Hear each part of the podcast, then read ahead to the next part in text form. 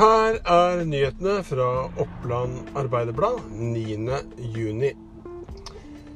Den tidligere så profilerte megleren Hans Christian Gjestvang var nylig involvert i en tvistesak i Gjøvik tingrett.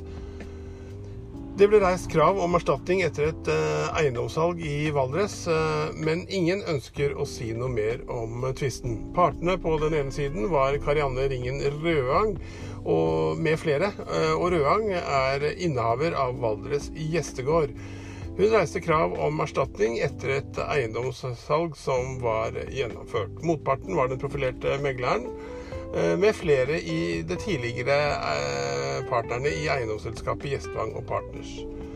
Hans Christian Gjestvang er ute av selskapet og henviser på spørsmål om saken til Gøran Martinsen i Partners eiendomsmegling i Gjøvik. Saken er avsluttet og alle parter er fornøyd, sier Røang i en kort kommentar. Hun vil ikke fortelle hva tvisten gikk ut på. Nå kommer sydenvarmen. I Vest-Oppland kan det bli opptil 25 grader resten av uka. Kom deg ut, spis masse is og ta gjerne et bad. Det oppfordrer eh, meteorologen. Nesten daglig blir tyver tatt på CC i Gjøvik. Statistikken har holdt seg relativt stabil de siste årene. Men tirsdag formiddag ble en 15-årig gutt tatt for nasking, og han forsøkte å stjele en hodetelefon fra en elektronikkforretning, men ble stoppet. Gutten blir innkalt til avhør hos politiet sammen med sine foreldre. Senterleder på CC Gjøvik, Vibeke Askevold, sier at det alltid har vært mye nasking på senteret. Faktisk er det så mange at hun ikke rekker å bli informert om alle hendelsene. Nye rutiner skal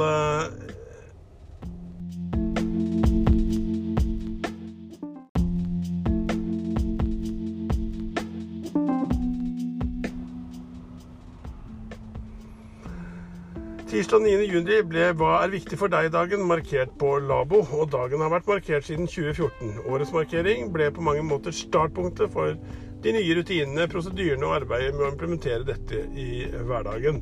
Målet er å møte personer der de er, og se hele mennesket, sier Anne-Marit Anne Aaslund, som er rådgiver og spesialsykepleier. Raufoss tapte 0-3 etter en god første halvtime i treningskampen mot eh, Strømsgodset. For endelig er det klart for fotball igjen. Og eh, Marienlyst stadion var badet i sol da eliteserielaget Strømsgodset tok imot Raufoss til sin generalprøve foran neste ukes seriestart.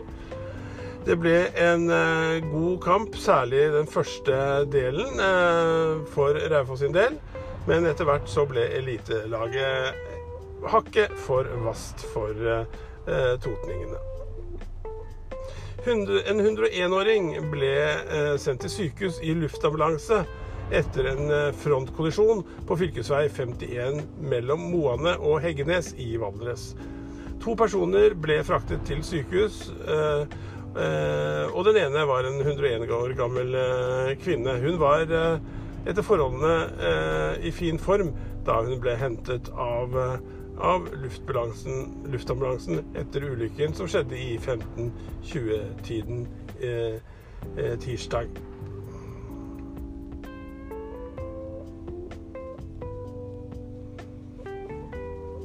Konkurransetilsynet eh, bekrefter å ha mottatt et anonymt varsel om et eiendomssalg i regi av Østre Toten kommunes boligstiftelse.